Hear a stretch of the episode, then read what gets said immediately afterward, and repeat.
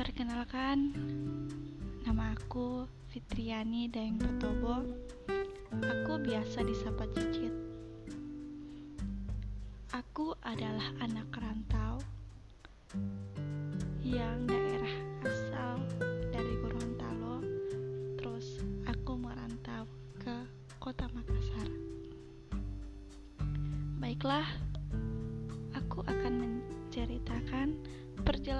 hidup seorang anak rantau. Pengalaman membuat kita mengerti tentang banyak hal, mengerti akan arti hidup yang sesungguhnya, dan berada jauh dari orang tua, merubah kita menjadi dewasa, dewasa dalam berpikir, dewasa dalam bertingkah, dan dewasa dalam mengambil keputusan. Hari berganti hari, bulan berganti bulan, tahun pun berganti, tak terasa satu tahun enam bulan pun sudah kulalui. Canda, tawa, susah dan senang datang silih berganti. Itulah seni dari kehidupan. Sekian lama aku bergumul bersama orang-orang asing di tempat yang asing pula. Kesendirian, kesunyian, dan kehampaan selalu kurasa dalam hidupku.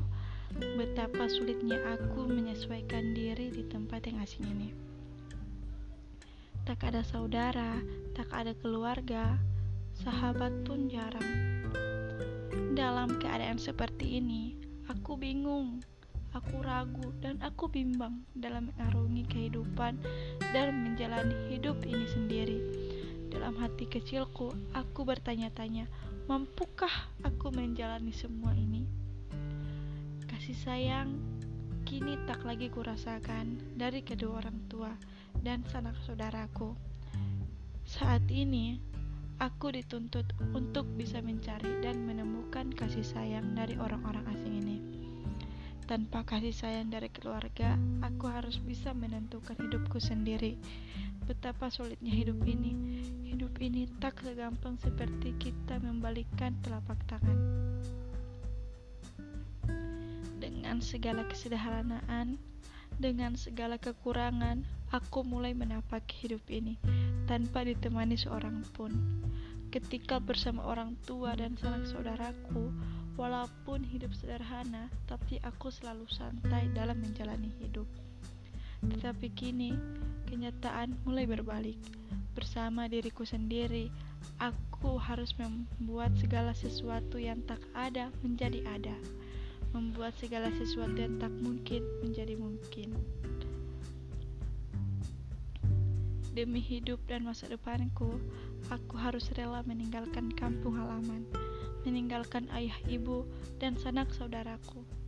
Demi sesuap nasi, aku harus tinggal di tanah orang, tinggal dengan orang yang tak dikenal, dengan orang yang tak punya hubungan apa pun. Aku harus menuntut hidup dengan mereka untuk bisa bertahan hidup. Ini adalah pengalaman pertamaku tinggal bersama dengan orang. Betapa sulitnya aku menghadapi semua ini, tetapi semua ini aku lakukan demi hidupku. Sekian lamanya aku terlarut dalam pikiranku. Aku terlena dengan kenyataan hidup seperti ini, sehingga pada akhirnya aku lalai untuk merangkai dan merencanakan kehidupanku ke depannya. Berteman sebuah laptop tua dan sebatang rokok, Aku coba merenungi dan merefleksi hidupku. Seketika aku terbangun dan teringat akan kata-kata kuno yang sangat sederhana yang pernah kudengar dari seorang sahabatku. Katanya,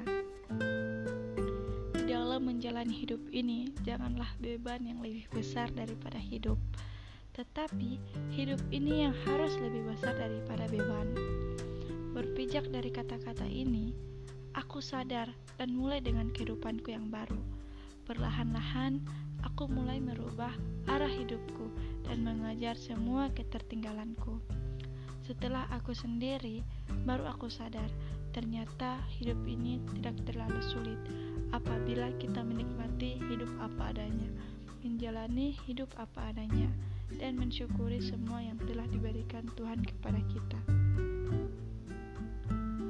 berinteraksi yang baik dengan sesama, mencintai sesama, mencintai pekerjaan, ketekunan, kedisiplinan, kejujuran, dan kesetiaan adalah kunci utama menuju pada hidup tentram dan sejahtera.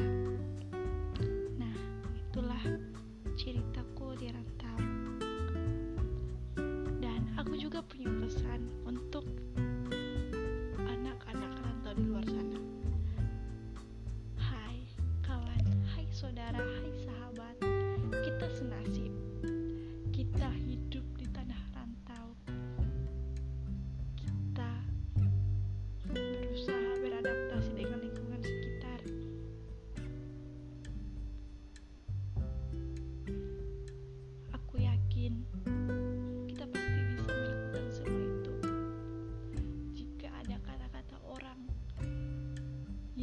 membuatmu terpuruk atau ada hinaan-hinaan orang yang membuatmu terpuruk, janganlah engkau bersedih hati, tetapi buatlah itu sebagai motivasi. Motivasi untuk berdiri kembali, bangun kembali. Janganlah engkau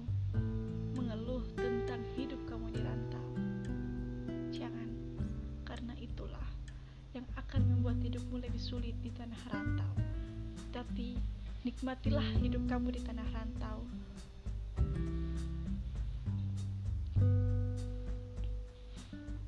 Jika kamu sudah tergoda oleh pergaulan-pergaulan lain, janganlah, tetapi kamu kembali lagi kepada tujuan utama kamu.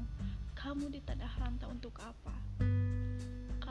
Sesuai pemikiranku, aku kembali ke tujuan pertama aku di sini. Aku di sini untuk kuliah. Aku di sini untuk masa depanku.